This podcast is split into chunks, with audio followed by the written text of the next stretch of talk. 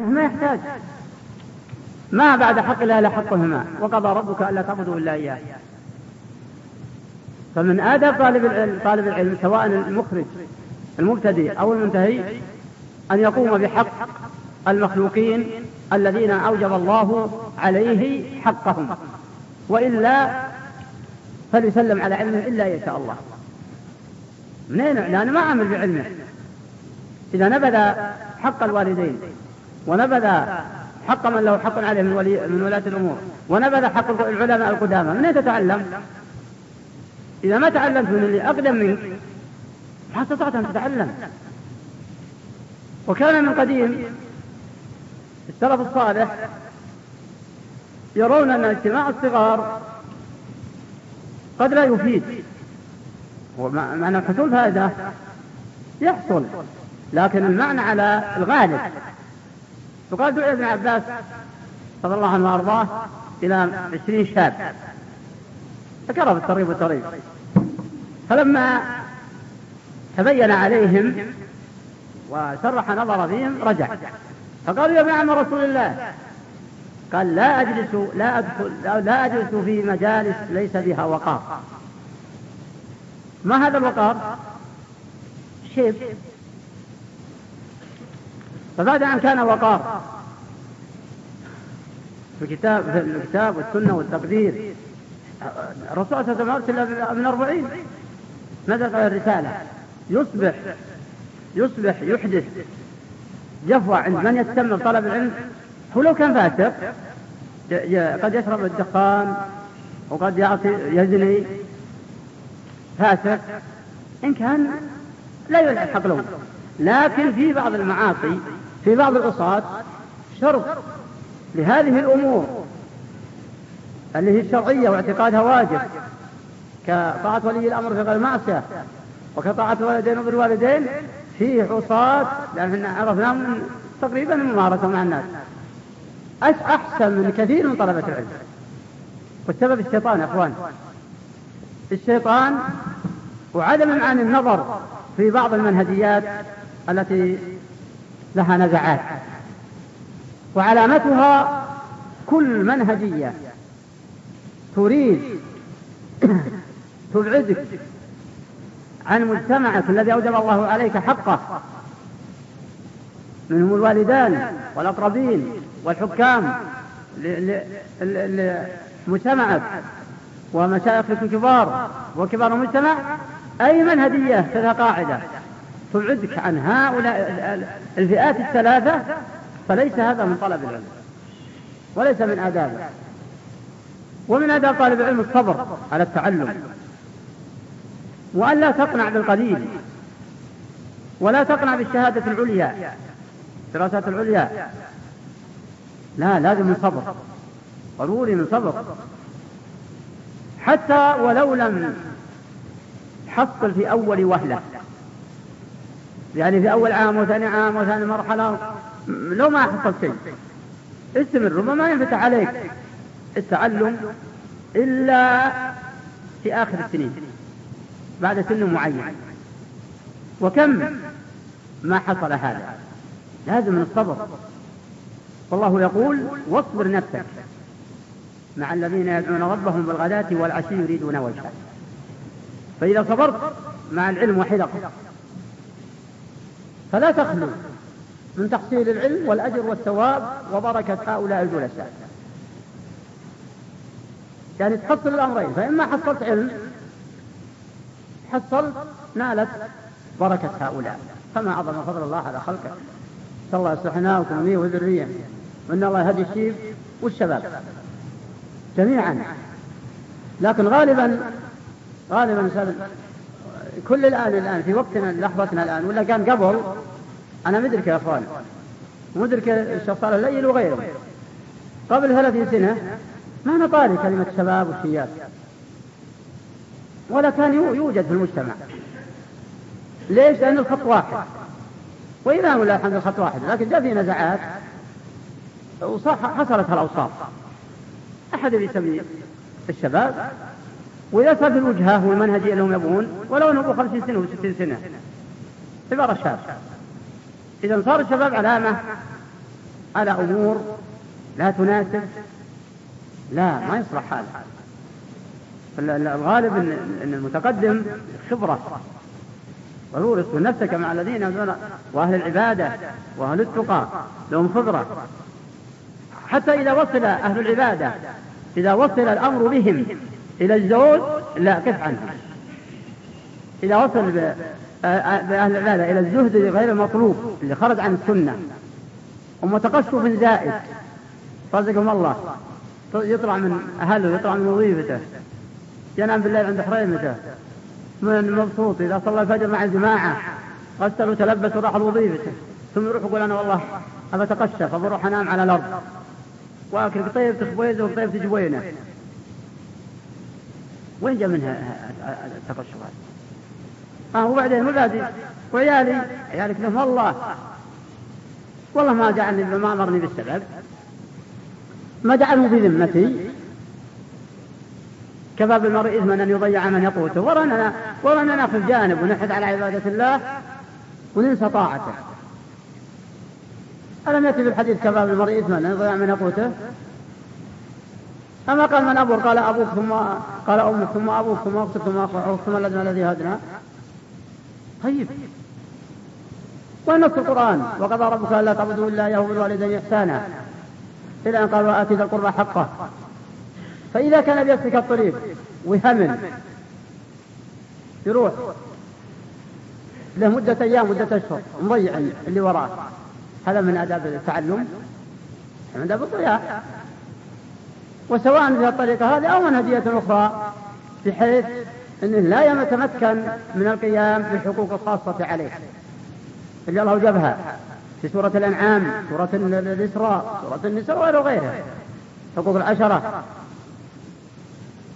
كما آية الحقوق العشرة. اللي الله جاب هذه الحقوق. من من عبادة الله إلى آخر الآيات والوالدين والأقارب. تهملها على أساس دعوات ما بنيت على علم ولا على حلم. والعلم وهذا بالعلم يحتاج إلى علم شرعي ويحتاج إلى حلم أيضا. يحتاج إلى حلم للإخراج. وحلم أيضا للقبول. وفعل سبب. يحتاج إلى فعل سبب. هذا موسى عليه السلام لما طلب مصاحبة الصبر قال بصبر معك قال وكيف تصبر على ما لا تحت الخضراء قال ستجدني إن شاء الله صابرا ولا أعصي لك أمرا. استثنى يعني إن شاء الله. الحاصل إنه ما صبر. حتى انتهت القضايا الثلاثة وأخبر عن الصبر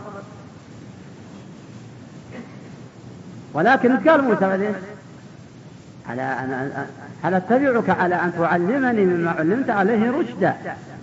فأذعن وخضع للعلم.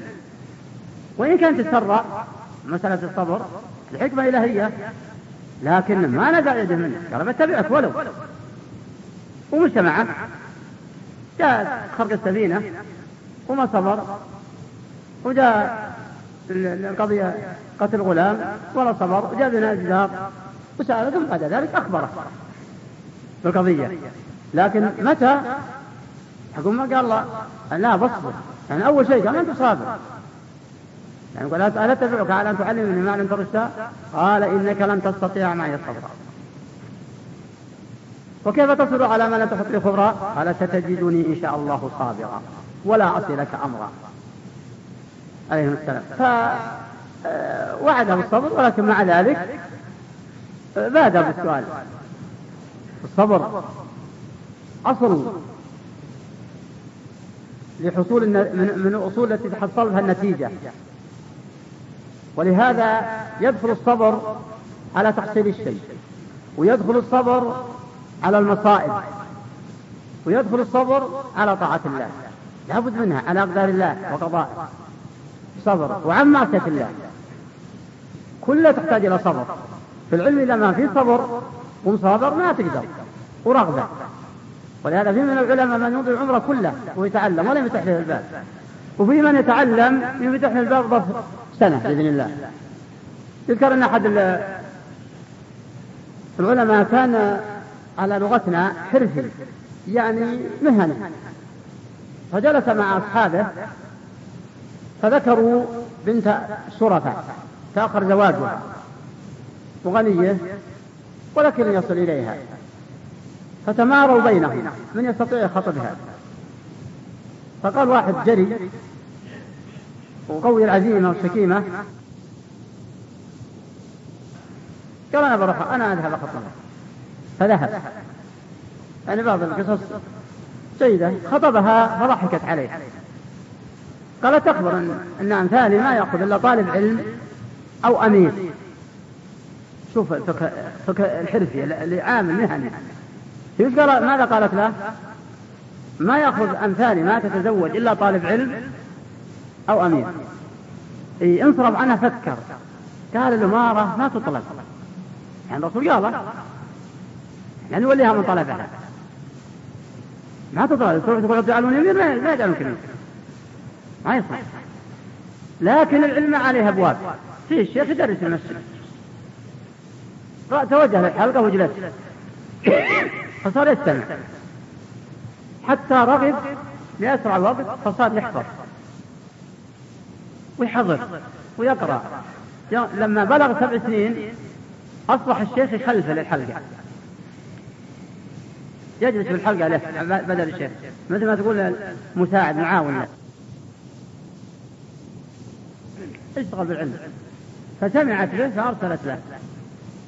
أما قلت لك طالب علم أو أمير فأخذوا الرقة وكتب عليها لا طلبنا العلم لغير الله فأبى أن يكون إلا لله.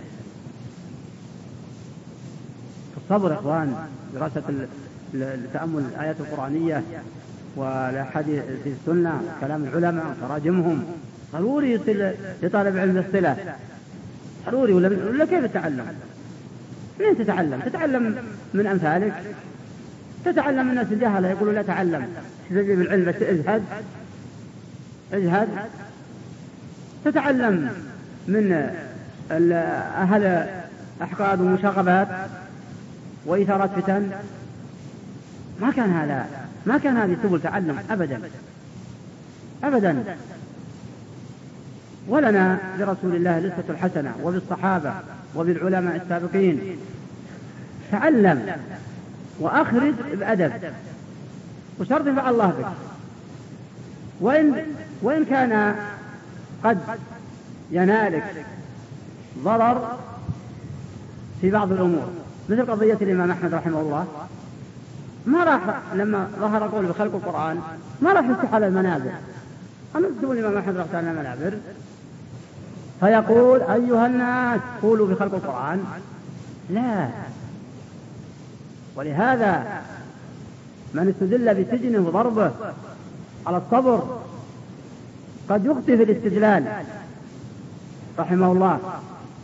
الإمام أحمد رحمه الله ما راح يصوت وينادي ويثير ولكن أجبر لأن يقول بخلق القرآن. هذا أن يقول رحمه الله. فهمتم الفرق يا ولا ما فهمتوه؟ أبى أن ينطق به. لما أبى أن ينطق به. سجن وضرب قال ما يهمني لكن من اللي يذكر إنه. إنه ذهب؟ ينادي؟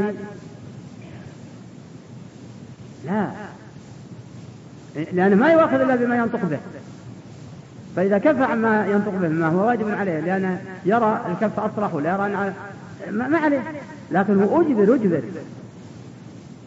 ولهذا قيل له مع هذا الإجبار وهذا التعذيب وهذا السجن ادع ادع عليه. قال اللهم اهلك أهلك الذي سجنني وهل يضربني قال لا. علمت لي دعوة مستجابة لصرفت لي ولي الأمر. شفتوا؟ الأئمة العلماء رحمهم الله اللي الآن علم يتوارث وسيبقى إلى يوم القيامة. فالمقصود يا إخوان اللي أوصيكم به ونفسي تقوى الله. والأدب لا يستغني عنه أحد. لا, المد... لا الذي في الابتداء بمعنى تو يبتدي العلم فهو يحتاج إلى أدب. ولا المتعلم يحتاج إلى أدب في الإخراج. يتأدب في الإخراج. واجعلوا قوله تعالى بين أعينكم. قل هذه سبيلي أدعو إلى الله على بصيرة أنا ومن اتبعني وسبحان الله وما أنا من المشركين. ما أعظمها من آية وكل يقرأها. لكن تعالى التفكير بمعناها. شوف أدعو إلى الله. تدعو إلى مين؟ فالذي يدعو إلى منهجية خاصة هو دعا إلى الله. طيب. ما يدعو إلى الله؟ تدل على الإخلاص.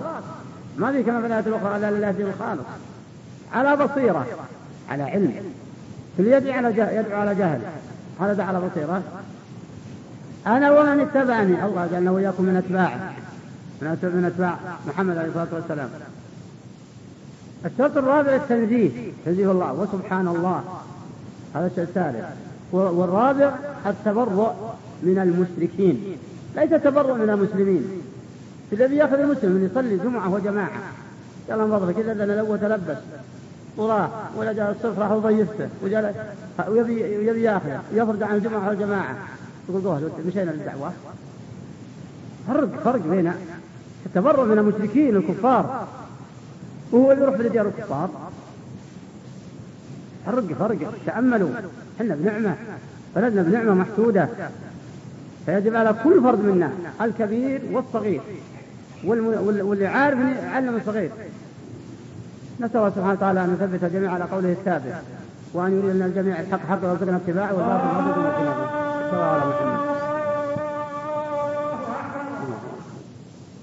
عرض عن أن يعرض الأسئلة وأذنت له لعل الله سبحانه وتعالى حصل بعض فائدة. وليس من اللازم أو الضروري وليس عيب بأن لا أجيب على واحد منها. يعني ما هو لازم كل واحد يعرفه. ولكن لا يجي واحد اثنين بعض المسائل اللي يعرف الإنسان إما جواب على الصميم أو توجيه. وقد عرض على مالك رحمه الله سبعين مسألة فلم يجب إلا على أربعة. مالك وفي ناس أنس أو فلان ولا فلان. ولكن نرجو أن الله يسدد الخطأ يفتح علينا وعليكم وإخواننا المسلمين.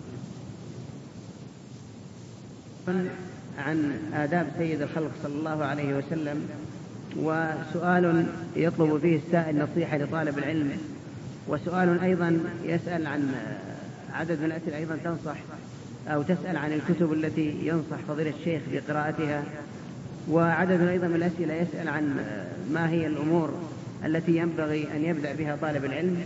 فهذه أسئلة عامة آه، أضعها بين يدي فضيلته ليجيب عليها بشكل عام ثم نبدأ في الأسئلة الخاصة بعد ذلك. كل الأسئلة آه، تقريبا وضحت. إلا مسألة الكتب. هذا سؤال اللي اللي تسأل عن الكتب اللي ينصح بها. تبارك الله هذا السؤال. هذا السؤال هو تقريبا زبدة من زبد الكلام اللي حصل معنا. وهو التعلق أو الارتباط بمن سبقك ممن ظهرت شيء من علميته. لأني مهما كان لو أعطيتك الآن هل هذه الكتب التي سأعينها لك أو لك يا السائلة هل هذا سينفعك أي قراءة الكتاب وحدك من دون مدرس؟ ما ينفع حتى تتعلم. لكن فيه أمور تحتاج حفظها كافي لأن ما فيها معنى يحتمل. وإن حصل قراءتها على أحد ويزودك بالتوجيهات وبمقاصد التأليف والمؤلف هذا طيب. هذا اللي ما يستغني عنه أي طالب علم. ثلاثة الأصول لشيخ محمد بن عبد الوهاب معرفة الرب والدين والنبي. هذا لا يغبن به من كرره كل يوم حفظه لأنه كله قاعدة شرعية تتصل بأصول الدين ودليل. فدراسة عبادة إذا محمد عبد الوهاب ما جاء بشيء من كيسه ولا ولا جاء بكلام جمعه. إنما هو نبهك على أمر واجب واستدل لك يا إخوان. تباركم من النقطة. فرحمة الله عليهم. كونوا فهموا. وركزوا الموضوع. مثل الآن؟ لو تبي تحتاج لك غرفة صغيرة. تحتاج لها 100 بلوكة تروح تدور. وين استاد الصدفي الربع من شاف الاستاد يعرف يبني صحيح هذا ولا مو صاحب المحسوسات؟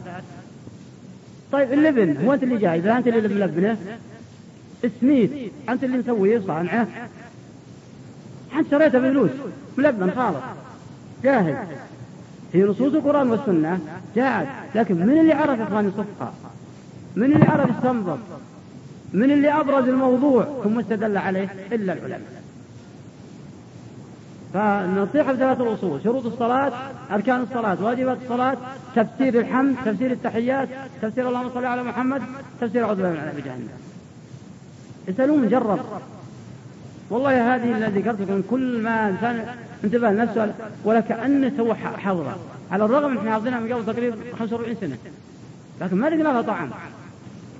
وهذا من فائدة ارتباط للصغير بالكبير ولا ولا يعني هذا ان بعض الصغار ما شاء الله جيدين وافهم منا.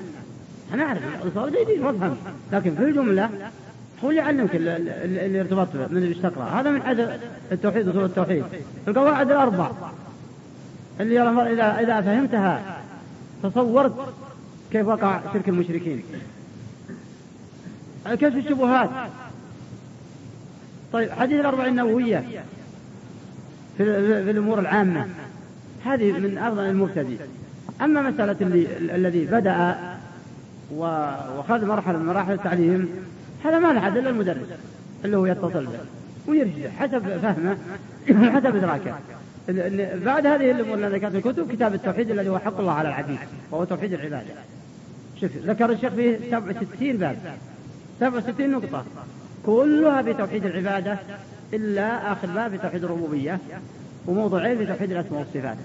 والباقي كله في توحيد العبادة. رحمة الله عليه. ليش؟ لأن توحيد العبادة هو الذي وقع الناس فيه. وقع الناس فيه. فأراد ينبههم على النقاط أو على مسائل تجتنب. إما أنها تنافي التوحيد أو تنافي كماله. يعني إما شرك أكبر أو شرك أصغر أو معصية تنافي كمال التوحيد.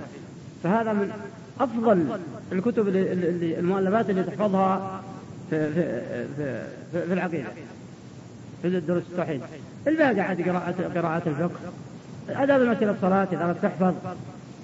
لأنك إذا حفظته وفهمته اعمل ما خالف ليش؟ يعني على دليل. ما يضر إذا فهمت.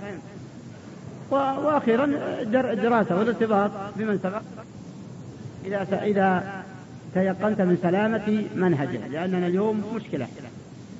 مشكلة في قد يكون المنهج فيه قليل والله الحمد. نعم.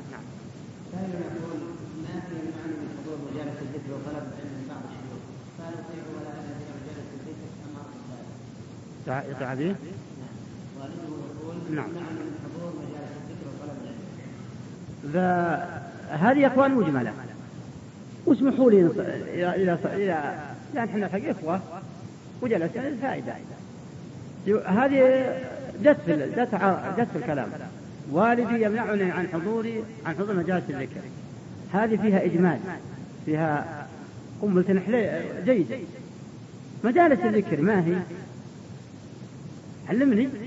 هل يا مجالس فلان اللي يجلس ويدرس التوحيد ثلاثة الأصول بالصفرة؟ عقب الفجر ولا عقب المغرب ثم تقوم تروح لهيلك؟ والله ما يمنعك عنك عنها أبوك إلا كان كافر. ولا حتى فاسق ما يمنعك حلف أنا بقسم في اللي, نشأ أبوك اللي نشأ من أجل أنه ما يمنعك عنه. في مجالس الذكر المختصرة سن واحد طبقة واحد مكتبة خاصة وقراءة كتب فلان وفلان. اللي يشرق ويغرب. هذا يا الله يجزاه خير. يجب أن تطيعه حرام عليك تروح معهم هو يبي يمنعك أبوك عن مجالس الذكر إلا أنا أشرت لهم تروحون أمك البر تروحون تبلغون إيش تبلغون؟ وش معك حتى تبلغ الحين اللي ما معه فلوس يا أخوان هو يتصدق قولوا لي أعطني واحد شو يتصدق ولا ما يقدر يتصدق؟ يقدر ولا ما يقدر؟ وراك تسكتوا يقدر يتصدق؟ ما يقدر طيب أنت وين العلم إنك تروح تبلغه؟ تبلغ مين؟ أو تنسى التوحيد اللي معك معه ونشيت عليه. خلي والديك هذا إذا منعك أبوك يجب أو منعك الداخلية. انت انك موظف منعك الوظيفة. يجب وجوب إنك تطيع. ولا لك حق تروح. وهكذا يا أخوان تختلف. ما نبي أنا ما أريد ان السؤال كذا.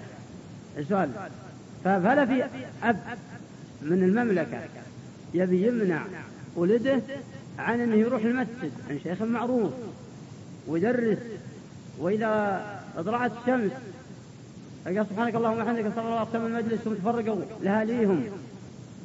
ثم تناولوا ما وصبح بيه وميمة بالخير ودروس وراح دراسة نظامية. أنا بحلف لا يمنع لا أم ولا فإذا طلع معنا أنهم يمنعون عن مجالس يستنكرونها ومنهم عوام واستنكروها ليش؟ ما شافوا مشايخهم الأولين عليه. ولا أنه متعلم وعارف عواقبها؟ فهو يمنع. في المانع عن هذه المجالس اللي أشار لها السائل أحد شخصين. وجربهم يا إخوانا ما قلت لكم عن تجربة. أمنا أو أبوهم عوام. يعني من عوام المسلمين؟ طيبين ناشئين على فطرتهم. لكن استنكروا في الروحات. ما يعرفون الأولين يسوون كذا بالبعض. فهذا يمنع. الشيء الثاني يصير أبوه متعلم وعارف ثمرات هالجلسات اللي أنت تشير إليها. وعارف أنها ما هي فيها شيء. فيها فيها داخلها شيء. فيمنعك وعليه امتنع إذا منعك أبوك وأمك في كلا الحالتين. نعم. عن الرياء في طلب العلم. فسائل يقول إنني أدرس في الجامعة وأحس في قلبي بعدم الإخلاص فهل أترك الدراسة؟ هذا من الشيطان. وسائل آخر يقول أيضا نفس السؤال إنني أطلب العلم وأحس آه أن طلب العلم من أجل الناس ومن أجل الكلام عنه فهل هذا من الرياء من الشيطان؟ ما درت أن الشيطان عدو لك؟ فهو يريد يأتيك اقر كلام ابن القيم في طرق مداخل الشيطان على الإنسان. الشرك البدعة المعصية الوسوسة في الخير. فإذا ما جاك ما قدرك تشرك جاك بطريق البدعة. فأنت تأتي بشيء دين وهو مو بدين. وإذا أراد أنك تفسق زين لك الزنا والخمر والربا وغيره. وإذا ما قدرت تدخل بعقوق الوالدين. وإذا ما قدرت تدخل هنا جاءت من طريق الوسوسة الرياء. لا تعوذ من الشيطان واطرح عن بالك نهائيا واستعذ بالله كما أمرك الرسول. ليش؟ لأن طريقك مشروع. هذا لو تطلع تصلي الصلاة مع الجماعة مأمور بها شرعا. ثم يجيك يقول روحك رياء تبي ترجع؟ لا لا. لا تطيعه وإن طعته فقد ارتكبت جريمة أكثر من جريمة الرياء تعوذ بالله من الشيطان واحسن النية واطلب العلم وادرس لأن اليوم غالبا ما في ما في تحصيل على العلوم إلا من طريق الدراسات النظامية. الشيطان الجني وشيطان الإنس أيضا. يجي من الطريق إيه أنت درس لا توظف ولا من درس لا توظف. ما يحتاج. تجلس مدرسة. وصارت عصر الوظيفة. التوظف يا أخوان هو منكر. مو متوظف تقوم عمل من أعمال المسلمين. مو متوظف معاونة للحاكم هو الحاكم شمس بيبد على حتى الشمس اليوم آه، جد دراج ما تدخل حتى الحجر صحيح ولا لا؟ من اللي ينزلون بالشمس البادة الحين تجدها يمكن مئات الأمتار مسكرة بالدراج فتدخل حتى الشمس. ضروري للحاكم من أعوان. والحاكم هيأ الأسباب وهيأ الدراسة. تدرس تستعين بالله وتدرس وتحصل علم وتعاون وتعاون المجتمع. تصير؟ ولله الحمد آلة فعالة عضو فعال في المجتمع. الله لك الحمد. نعمة إلى هذه ولله الحمد. لو ما. لو ما جاء التعلم راجع نفسك يا مسكين أنت. والدولة احتاجت إلى الوظائف الكثيرة ولا الحمد أنت وين تولاها؟ لو يجيبون معها الآن الآن العمالة. لما أن هذا من الله الحمد. خلاص هو الدولة خلاص. رجال المسلمين يتركون كل للتعلم لأن عمل أمره سهل. أن قد واحد يشتغل ولا قد يروحون سهلة لكن التعلم أمر عظيم. أنت يجيك شيطان مسلك ادحر تعوذ بالله من الشيطان مستمر. يوم يومين ثلاثة سنة يروح يخليك. هذا يجيك راح تصلي يقول لا روح الجماعة عشان الرياء. لا ت... لا تقول زملائك بروح الوالدين. الرياء. وقالوا ترى قالوا الزملاء عن وسلم جرب لهم الطبيب يقوم يقول بروح الوادي هاوسون يا رجال لا ترائي بس اجلس. بس يقول بروح الطائف يقول لا ترائي تعوذ من الشيطان وادرس واستعن بالله ولا تلتفت لهذه الوسوسة. نعم. سائل يقول آمل من فضيلتكم بيان أهمية طلب العلم لكبار السن. لكبار السن وخاصة العلم النافع لهم على سبيل المثال بعض معرفة بعض سور القرآن الكريم لأن بعضهم لا يعرفون آه، الفاتحة أو لا يعرفون معها غيرها طلب العلم مو محجور على الصغار لكن في الغالب أن الصغير أقبل. كما قال الشاعر تعلم ليس المرء يولد عالما وليس أخو علم كمن هو جاهل. وأن كبير القوم لا علم عنده صغير إذا ثبت عليه المحافل. الصغير العلم مو محجور على الصغار. كم من كبير؟ درس. وبلغ من العلم ما بلغ. ومثل من الرسول عليه الصلاة والسلام متى وحي إليه؟ ابن أربعين. وكم الصحابة؟ كم من شايب منهم؟ أسلموا وهم كبار السن وتقبلوا. فلا يحجر العلم عن صغير ولا كبير. لكن غالب في الغالب أن الصغير يكون قد يكون عنده استعداد أكثر. وقد يكون عنده الكبير أكثر أيضا. الكبير نفسه إذا أقبل صار عنده ذكاء وإدراك وصار جاء العلم عن بصيرة. فلا فيه يطلب العلم أي ثم أن طلب العلم على قدر الاستطاعة. فالعلم ضروري لا بد منه. معرفة أحكام الصلاة والزكاة والصيام والحج والأمور الواجبة المعاصي الظاهرة المحرمة والحقوق الواجبة عليه. مسألة تفاصيل الفقه وأحكام الفقه والمعاملات والقضاء التي تحتاج إلى قضاء هذه يتعلم منها بعض المجتمع. وإذا حصل مشاجرة بين اثنين يجون للقاضي ويخلصهم إن شاء الله. ولعل لعل هذه الصورة اتضحت. يعني مو كل علم يسمونه هنا علم فرض عين عبادات. وفي فرض كفاية. إذا تعلم بعض الناس كفى.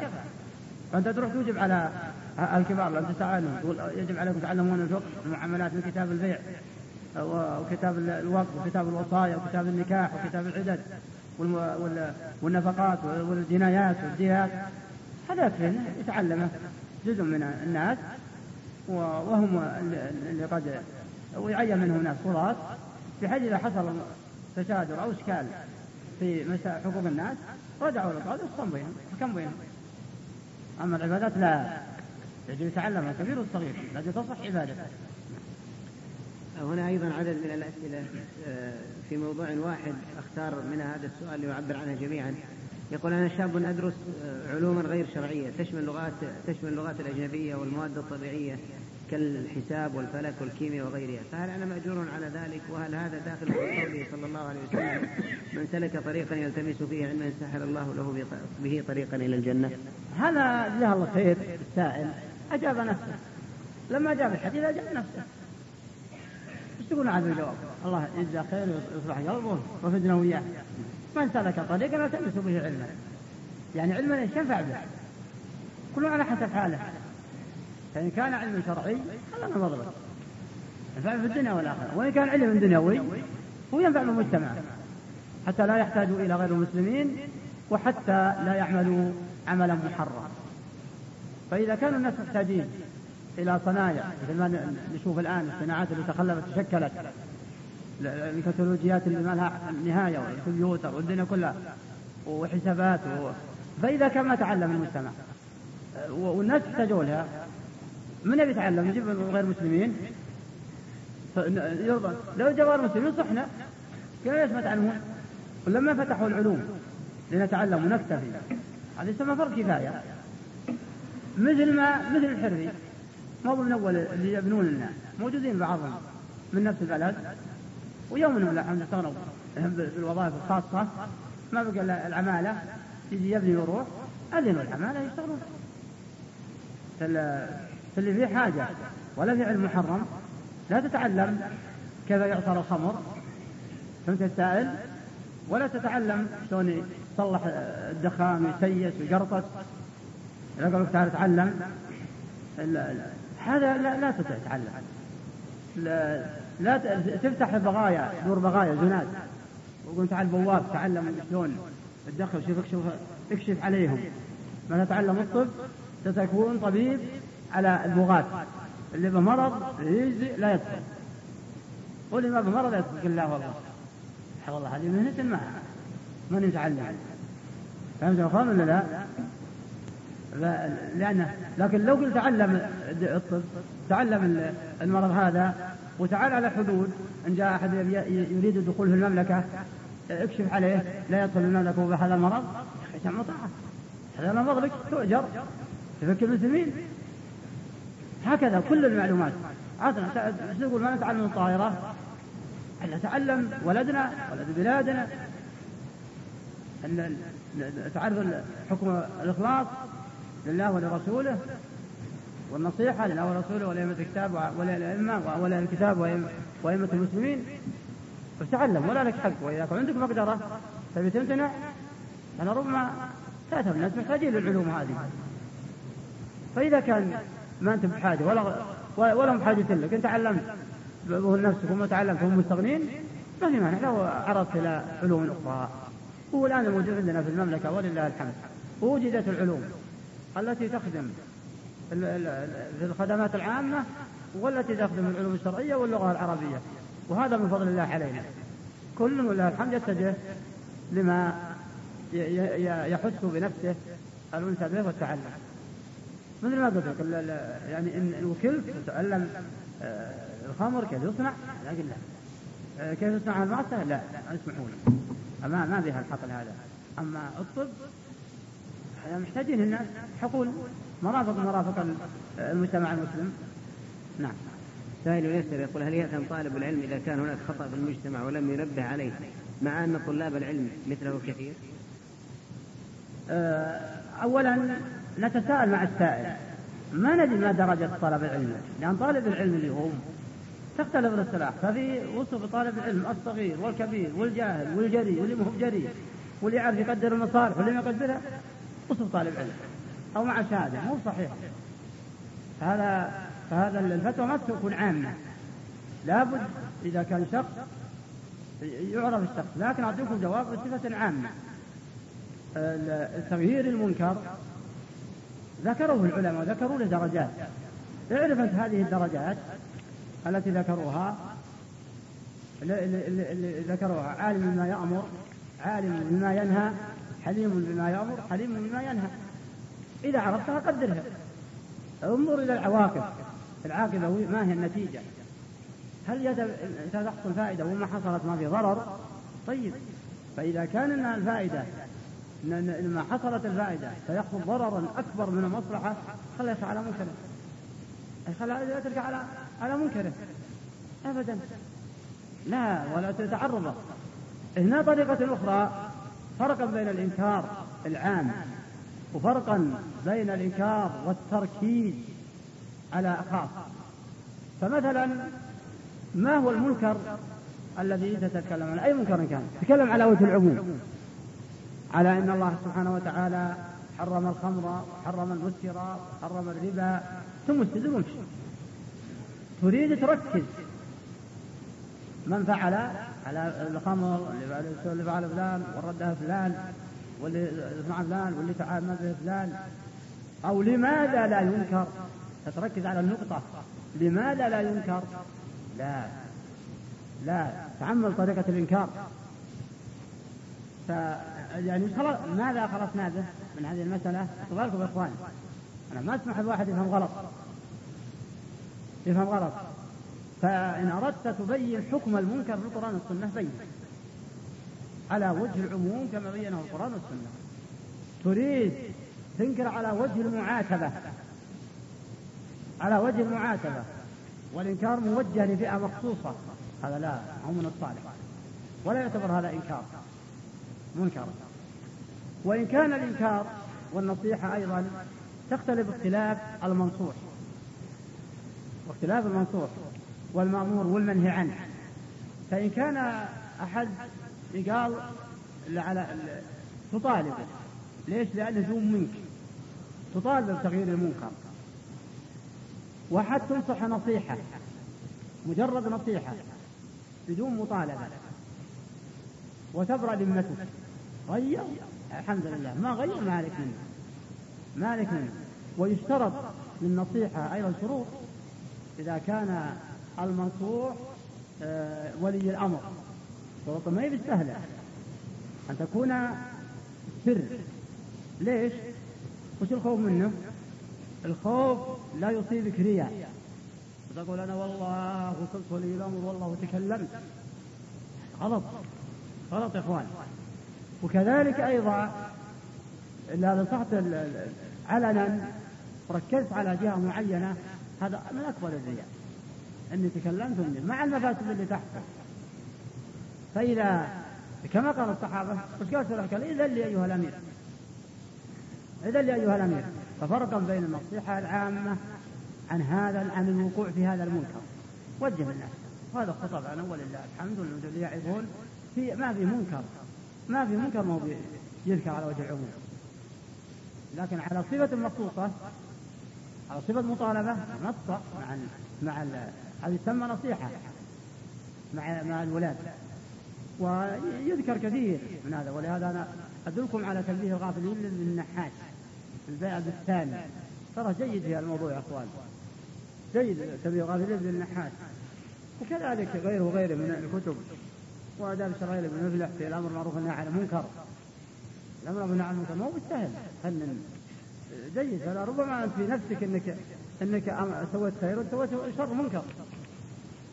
يذكر أن أحد العلماء راح ونصح في السابق طبعا مو في الصحابة نصح أحد الأمراء في زمنه. ولما خرج منه آه، تبعه من تبعه وجلس هذا صار جائع. طالب العلم له مكان قمامة يلتمس فيها كثرة خبزة صحة القصة لكنها شرعية. يعني معناها قال له هذا الله يعافينا. الأمراء اللي يأكلون الأموال اللي يسوون إيش قال طالب العلم يا اخوان؟ شوفوا خلوكم خلونا ضروري من قراءة الكتب السابقة. فرفع رأسه. قال هم يعلمون الغيب قل خيرا أو رحمهم الله يا إخوان. قل خيرا أو لأن مقالة هذا اللي قال له الكلام هذا مثير هذا الله يعافينا فتان ما يريد هذا طالب العلم قال هم يعلمون الغيب. أنا لا طلبتم ولا سالتم وهم يعلمون الغيب راح وما تشتر فالأمر معروف والنهي عن المنكر من الشروط عديدة ما تحتاج محاضرة مستقلة. الله يحفظنا وياكم خير مني ولا من غيري. نعم. آه، عدد من الأسئلة أيضا تسأل عن المراء بين طلبة العلم وعن تبديع بعضهم لبعض وعن التفريق بين العلم والدعوة وحول هذه الأسئلة أسئلة كثيرة جدا وبها نختم الأسئلة المتعلقة بالموضوع. لننتقل بعد ذلك إلى الأسئلة الموجهة من الناس. المراء المراء والتبديع. يا أخوان هو قال السؤال شو؟ بعض طلبة لنا نعم. يقول عن المراء بين بعض طلبة العلم بعض كل من السؤال. أنت جزاك الله خير.